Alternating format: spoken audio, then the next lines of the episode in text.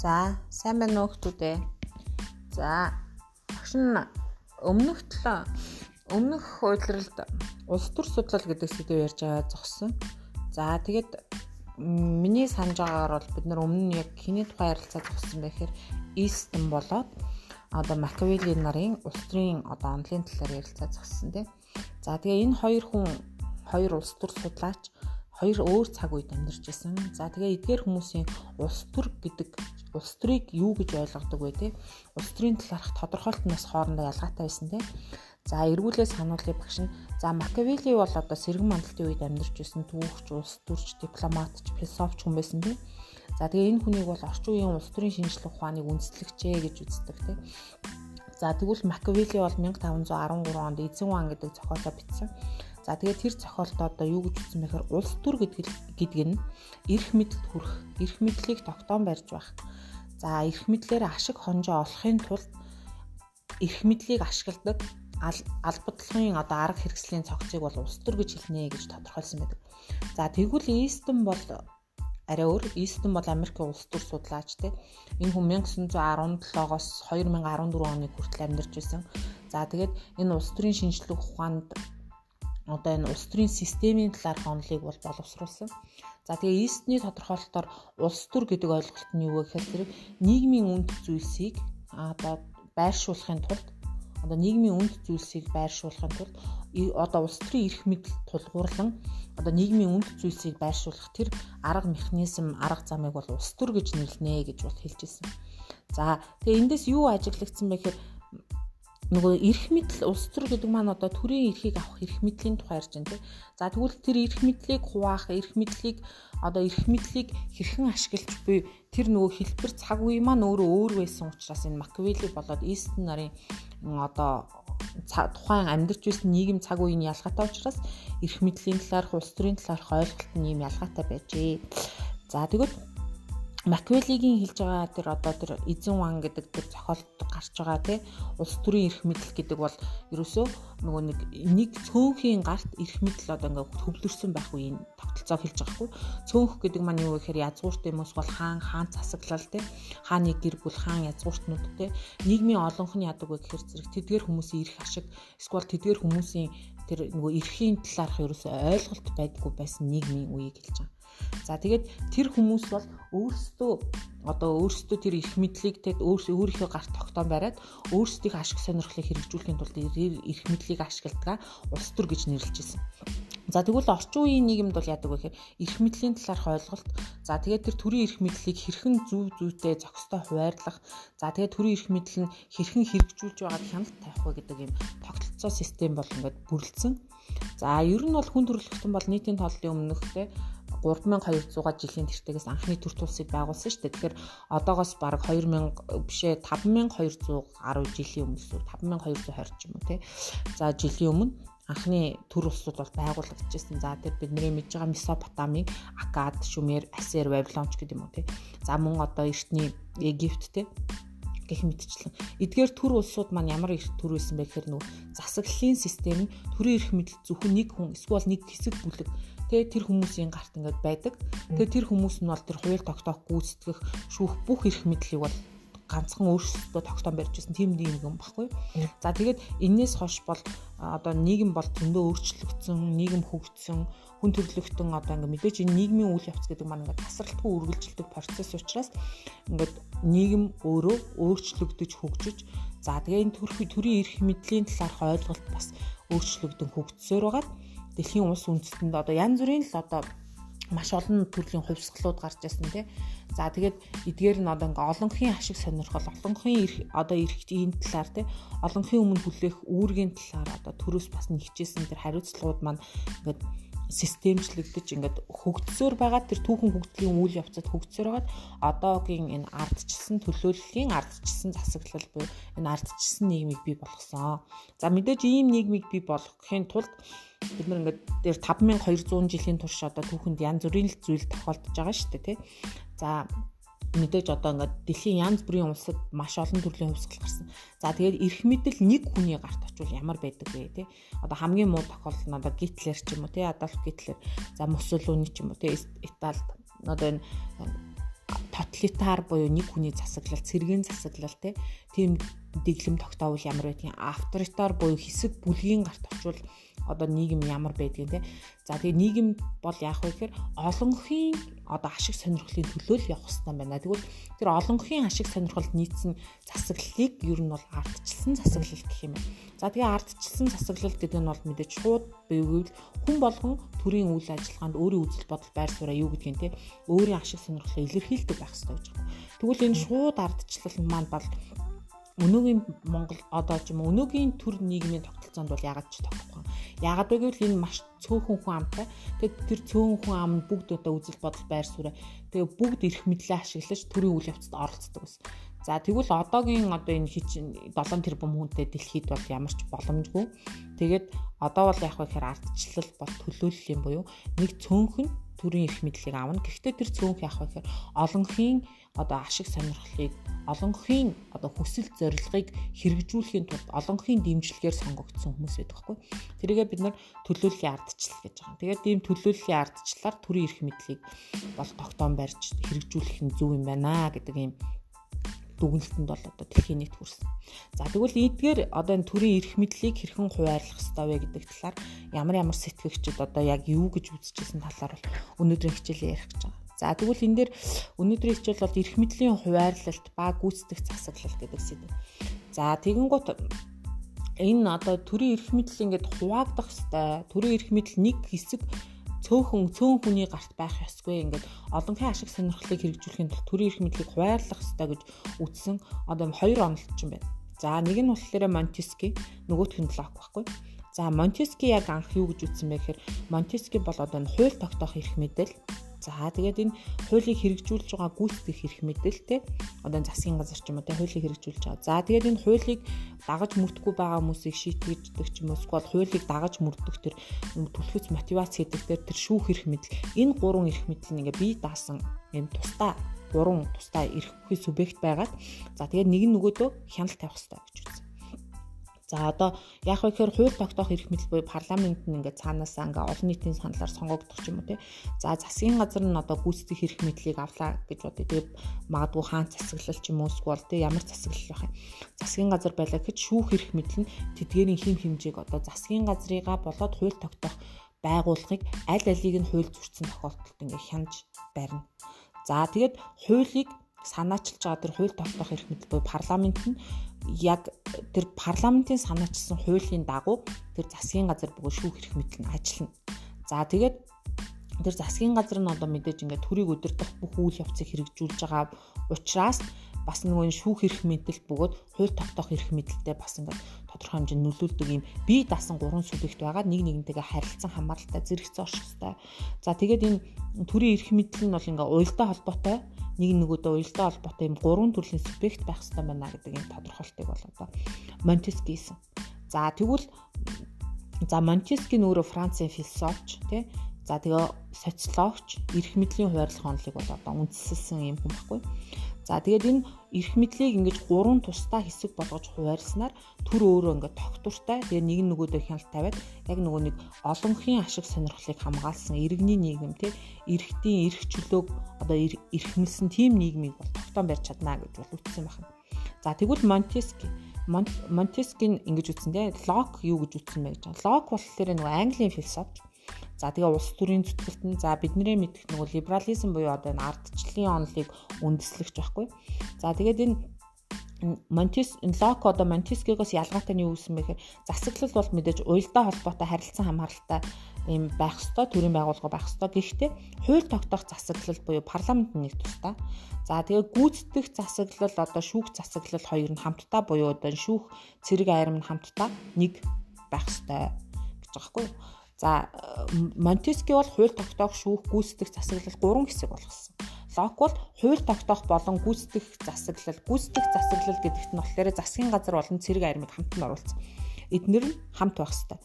За тэгээд мэдээж ингээ хууль нь парламентаар хуулиа тогтооно. За харин тэр засгийн газар бөгөөд одоо шүүх засаглал хоёрт нэг болцоод байна шүү дээ. Энэ нь яг вэ гэхээр нөгөө хуулийн дагуу хуулийн хүрээндээ ажиллана. За тэгээд бас нөгөө нэг нэг нь нөгөөдөө хяналт тавьдаг яг нөгөө харилцан хамааралтай энэ тогтолцоо маань бүрлдэх ёстой гэж бол үтсэн. За ингээд төрийн эрх мэдлийг ингээд хуваарлан байршуулснаар нөгөө цөөнхийн эрх ашигын төлөө биш олонхын эрх ашигын төлөө нийгмийн үнд зүйлсийн төлөө оршин байдаг одоо тэр нийгмийн тогтолцоог бүрдүүлж байгаа хгүй. За тэгвэл одоо энэ энэ онлууд үндэслэнээр тэгээ энэ онлуудаас гарснаар хойш одоо ингээд гарснаас хойш одоо энэ төр нийгмийн тогтолцоос шинжлэгдснээр одоо тэр нөгөө ийстний хилээд байгаа одоо нийгмийн үнд зүйлсийг хуваарлан байршуулахад одоо тэр эрх мэдл эрх мэдлийг одоо ашиглах нь улс төрийн одоо гол зорилго юм аа гэдэг тэр нийгэм бий болж байгаа. Хгүй нийгмийн үнд зүйл гэдэг нь юу юм те? Шудраг ус гэдэг юм уу те? Эсвэл хуулийг дээдлэх ёс байдаг юм уу? Эсвэл бүгд татвараа төлөх тэр тогтолцоо байдаг юм уу тэр нийгмийн үнд зүйлсийг хуваарлан байршуулахад эрх мэдлийг ашигладаг тэр тогтолцоо л юм аа гэдэг тэр э, тэр одоо улс төр тэр улс төрийн нийгэм улс төрийн тогтолцоо бол эдивээс бүрдэж эхэлсэн гэсэн. За тэгээ Монголд бас яг одоо энэ хууль тогтоох гүйцэтгэх шүүх байгууллага буюу одоо төрийн эрх мэдлийг гурван хэсэгт хуваасан байдаг. За бүгдээрээ 110 дугаар хуудсыг харах юм бол тэн дээр байгаа. Гүйцэтгэх эрх мэдэл гэдэг маань засгийн газар гэсэн үг шүү дээ. За тэгвэл засгийн газар нь одоо ингээ хоёр янз байдаг. Ерөнхийлөгчийн засаглалтай улс, парламентын засаглалтай улс гэдэг. Хэрвээ парламентын засаглалтай байвал одоо тухайн засгийн газрыг ерөнхий сайд удирддаг. За ерөнхийлөгчийн засаглалтай байвал тухайн засгийн газрыг ерөнхийлөгч нь удирддаг. За жишээ гаргаад хэлчихье. Ерөнхийлөгчийн засаглалтай улс гэх юм бол Америк нэгдсэн улс, Оросын албаны улс те. Ерөнхийлөгч нь засгийн газраа удирддаг тийм үү? Путин ч юм уу Дональд Трамп. За тэгвэл парламентын засаглалтай улсад бол ерөнхий сайд нь удирдахгүй Монголд шиг тий. Одоо манад бол хөрөлсөх удирддаг тий. Парламентын засаглалтай улс учраас ерөнхий сайд засгийн газрыг удирддаг. За тэгээд энэ ерөнхий сайд нь яг ямар хүн байх вэ гэхээр нөгөө тухайн одоо сонгуулиар бид нар төлөөллийн ардчлалын зарчим шүү дээ. Тэгэхээр төлөөллөөр сонгогдож байгаа ард иргэд нь аль нэг намд одоо дийлэнх юм олонхын санал өглөө гэж бодъё. Тэр намын ялсан намтай сонгуульд яллаа төрийн эрх мэдлийг авж байгаа тэр намын одоо дарга нь одоо ерөнхий сайд болно. Тэгээд тэр яах вэ гэхээр өөр юм кабинета буюу парла одоо засгийн газараа бүрдүүлээд засгийн газар дотор хэдэн яамтай хэдэн агентлагтай байх яаж ажиллах юм. Тэгээд тэр тэр мөрийн хөтөлбөрийнхөө дагуу тэр нөгөө мөрийн хөтөлбөр дэвшүүлээд ялсан нам штэ. Тэгэхээр тэр намын мөрийн хөтөлбөрийнхөө дагуу засгийн газрыг зохион байгуулаа удирдаад ард иргэдтэй хэрэг одоо нөгөө амлсан тэр мөрийн хөтөлбөр буюу тэр төлөвлөгөөний дагуу тухайн улс орноо хөгжүүлдэг. Тэр тогтолцоо болж байгаа. За тэгээд ерөнхий сайд нь одоо ерөнхийлөгчийн засаглалтай бол улсд бол ялсан нам намын одоо дарга юм уус бол тухайн ялсан нөө сонгуулаар ялсан ерөнхийлөгч нь одоо засгийн газараа байгуулна шүү дээ. Айл намаас дэвшсэн хүн одоо сонгуулаар ялах юм те. Тэр хүн одоо ерөнхийлөгч болоод тэр хүн өөрийнхөө бас кабинетыг бүрдүүлэн те. Ерөнхийлөгчийн сонгуул нь өөрөө маш чухал. За за тэгвэл ерөнхийл одоо нөгөө гүйцэтгэх эрх мэдэл гэдэг бол засгийн газар эсвэл одоо засгийн газарт байна. Засгийн газрыг ерөнхийлөгч эсвэл ерөнхий сайд удирдан тий. За тэгээд засгийн газрын бүрэлдэхүүнд бол яамдууд байдаг. За яамдыг бол ерөнхийд нь үндсэн дөрвөн яам байдаг. За үндсэн дөрвөн яам гэдэг нь болохоор нэгдүгээрт гадаад харилцааны яам байна. За хууль зүйн яам байна. За тэгээд сангийн яам гэж байна. За тэгээд батлан хамгаалах юм. За энэ дөрвөн яам бол нөгөө зайлшгүй байдаг үндсэн дөрвөн яам байхгүй. За тэгээд бусад яам нь болохоор чиглэлийн яамдууд гэж нэрлэгддэг. Чиглэлийн яам гэдэг нь одоо ингээ өөр өөрсдийн хэрэгжүүлэхдээ тэр нөгөө чиглэл чиглэлийн дагуу хэд хамтарсан эсвэл ингээд хідэн ч хэсэг байж болно. Одоо жишээ нь юу гэдэг боловсрал соёл шинжлэх ухааны яам байснаа дараа нь боловсрал спорт урлаг соёлын яам ч гэдэг юм ингээд нийсэн салсан тэр засгийн газар яг тухайн нам яг ямар мөрийн хөтөлбөрт орж ирээд яг ямар мөрийн хөтөлбөрийн дагуу ямар яамд байгуулад тэргээд тэр нь одоо яаж улс орноо хөгжүүлэхээс шалтгаалаад чиглэлийн яамд бол хидж байж болдог. Үндсэн дөрвөн яам бол ерөөсөө солигдохгүй.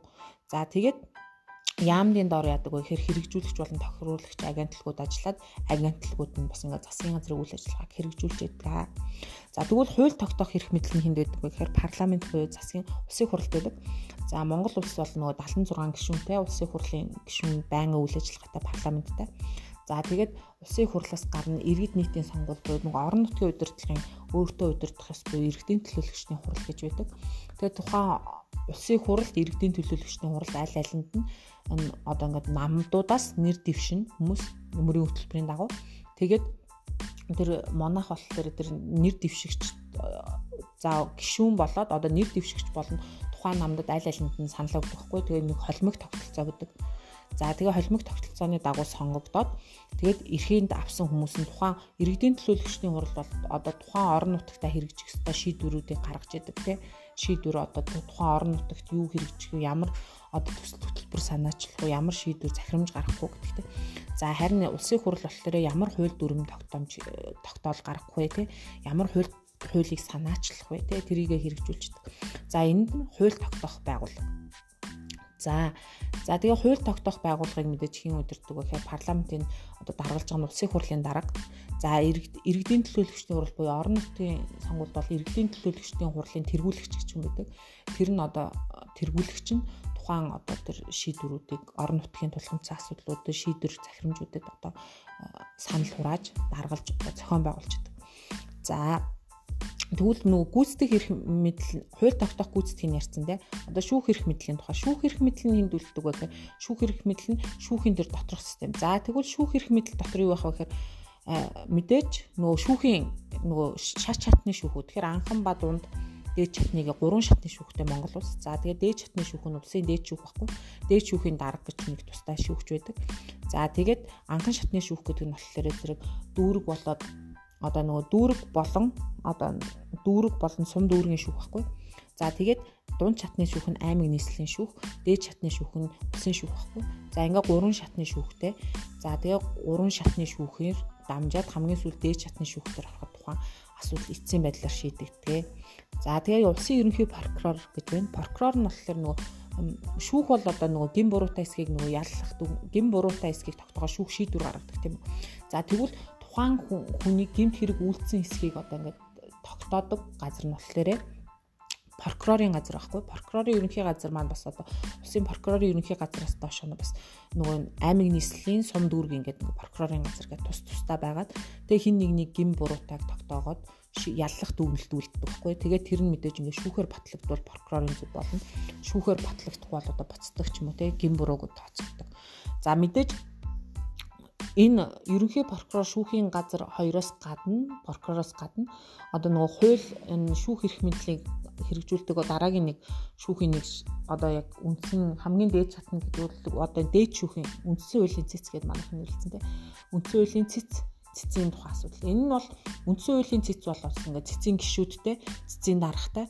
За тэгээд энэ нь бол яг хөө тэр бүх шатны байгууллагууд За мөн одоо энэ хууль тогтоох байгууллага парламент, за гүйцэтгэх байгууллага засгийн газар, за эрх бүхий албан тушаалт одоо ерөнхийлөгч байдаг юм уу, одоо яамдын сайд нар байдаг юм уу, ерөнхий сайд байдаг юм уу, эдгээр хүмүүсийн гаргаж байгаа шийдвэрүүд нь үндсэн хууль зөрчсөн эсхийг л хэлцдэг байгууллага.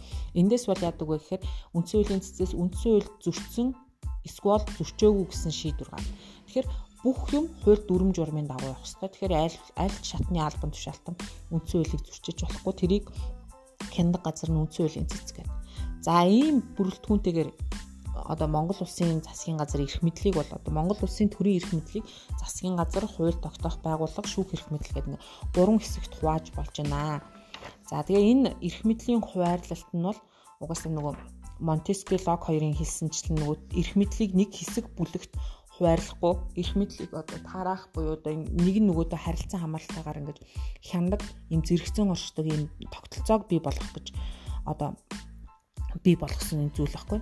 За мэдээж одоо ингээд засаглалын эрх мэдэл гэдэг бол ингээд тасралтгүй атрибут шинжтэй гэж баггүй. Энэ юу гэхээр засгийн газар ингээд одоо ингээ нэг засгийн газар нуурч болно те нэг засгийн газар огцорч болно эсвэл зас төрийн сонгуул дараагийн сонгуулиар дараагийн засгийн газарт одоо ингээ үйл ажиллагаа шилжиж болно. Гэхдээ яг хөө гэхээр төрийн нэрийн өмнөөс ажиллаад байгаа тэр нөгөө хүмүүсийн солигдохоос биш төр бол ингээ байдгаар оршин байсаар аахгүй. Тэгээд дээрэс нь тэр төрийн үндсэн бодлого буюу одоо Монголын төрийн бодлого гэдэг бол өөрчлөгдөхгүй. Зөвхөн тэр засгийн ерөнхийлөгч нь одоо хэн байдгийг ерөнхийлөгч нь батлаг байна уу, элбэгторж байна уу, хэн байна уу хамаагүй. Эсвэл ерөнхий сайд нь хэн байх нь хамаагүйгээр одоо засаглал буюу төрийн эрх мэдэл бол ингээ тасралтгүйгээр хэрэгжиж л байдаг. Тэгээд мэдээж мэдээж одоо нөгөө төрийн эрх мэдлийг авсан байгаа нам нь эсвэл нөгөө төрийн эрх мэдлийг гартаа авсан байгаа хүн нөгөө өөрийнхөө тэр нөгөө нэг засаглалын эрх мэдлийн хүрээнд өөрийнхөө мөрийн хөтөлбөр юм уу өөрийнхөө боловсруулсан төслийн хүрээнд ингээд илүү сайжруулж сайжруулж бас дээрэс нь ингээ удирдах хэрэгтэй. Илүү сайжруулах хэвээр мөн илүү хөгжүүлэх одоо тэр мөрийн хөтөлбөрийг хэрэгжих хэвээр тэр төлөвлөгөөний дагуу ямар нэгэн төсөл хөтөлбөр ямар нэгэн зүйлсийг хийх хэвээр. Тэгэхээр тэн дээр нь ард иргэд дараагийн 4 жилд нь одоо сонгуулаар тухайн одоо засгийн газрыг эсвэл тухайн намын үйл ажиллагааг тухайн төрийн эрх мэдэл байсан хүмүүсийн үйл ажиллагааг үнэлж дүгндэг энэ систем маань өөрөө төрийн эрх мэдлийг ээлжлэн барьж байгаа нөгөө ардчлалын төлөөллийн ардчлалын тогтолцоо маань болж тарж байхгүй. За тэгээд ийм төлөөллийн ардчлалын систем маань ардчилсныг нь тэгээд төлөөллийн буюу цөөнх нь олонхийнхоо төлөө ажиллана. Тэгэхдээ олонход таалагдах тэр мөрийн хөтөлбөр төслийг санаачлаад танилцуулаад сонгуулаар тэгээд бидний саналыг авч чадвал нөгөө ард иргэдийнхээ төлөө ажиллах тэр боломж нөхцөлийг бүрдүүлж авдаг. Тэр одоо эрх мэдэл тэр тогтолцоог төрийг одоо ингээд төрийн тогтолцоо гэж үзнэ гэж хэлээд байхгүй. За тэгээд за мэдээж одоо нөгөө эрх мэдэл олгожил байгаа юм чинь тэр хүмүүс эрх мэдлээ хэрэгжүүлэх тэр нөгөө боломж нь байх хэрэгтэй тий. Зүгээр ингээд нэг албан тушаал өгөөд орхих биш. Тэгэхээр яах вэ гэхээр нөгөө хууль гэж байгаа парламент бол үндсэн одоо нөгөө хууль батлан тий. За хууль батлах эрх хуулийн дагуу ер нь эрх зүйн баримтчийг хууль ба хуульчилсан акт гэж хоёр байдаг. Тэ хууль байдаг. За тэрнээс гадна одоо засгийн газар бөгөөд бусад нөгөө эрх бүхий албан тушаалтнууд яадаг гэхээр хуульчилсан акт гаргаж өөрсдийн эрх мэдлээ нөгөө өөрсдийнхөө төрийн үйл ажиллагааг хэрэгжүүлэхэд одоо хууль тогтоол, зарлиг, шийдвэр, захирамжуудыг гаргадаг. За тэгвэл тогтоол, зарлиг одоо энэ шийдвэр, захирамжийг хэн гаргадаг вэ гэхээр нөгөө эрх бүхий субъектүүд баггүй. За энэ хуульчилсан актуудын тухай өмнө багш нь үзчихсэн. А 9 дугаар ингээд ярьжсэн шүү дээ. Хуульчилсан актууд одоо зарлиг гэхэд одоо ерөнхийлөгч зарлиг гаргана. За засгийн газар ерөнхий сайд яадаг тушаал гаргана те амиг нийслэлийн засаг дарга захирамж гаргана те үндсэн хуулийн одоо засгийн газраас бас яах вэ гэхээр шийдвэр гарнаа гэх. За үндсэн хуулийн цэц яадаг үлээ. Үндсэн хуулийн цэц бас одоо яадаг вэ гэхээр зэрэг үндсэн хуулийн цэцгийн шийдвэр гэж гардгаа гэл. За тэгээ иймэрхүү байдлаар одоо эрх мэдлийг хуваасан хуульчилсан актууд буюу эрх мэдлээ хэрэгжүүлэхэд зориулсан тэр шийдвэрүүдийг гаргахыг зөвшөөрдөг байна. За өнөөдрийн хичээл бол ерөнхийдөө ингэ болцсон. За тэгээд хүүхдүүд маань яг юу их вэ гэхээр сурах хүчгийн 100 109 дугаар хуудаснаас эхлээд уншина. За тэгээд энэ Лок Монтеско хоёрын үзэл бодлын тэ төрийн эрх мэдлийг хуваарлах үзэл санааны адил ба ялгаатай талуудыг тэмдэглэнэ. За тэгээд одоо бүдүүвч 110 дугаар хусны бүдүүвч 5-3 гэж байгаа. За энэ дэр нөө эрх мэдлийн хуваарлалтай тэрийг тэмдэглэж авна. За тэгээд 113 113 114 дугаар хуудасны дасгал даалгаврыг хийгээрэй. За тэгээ болоод. За тэгээ хүүхдүүдэд амжилт хүсье.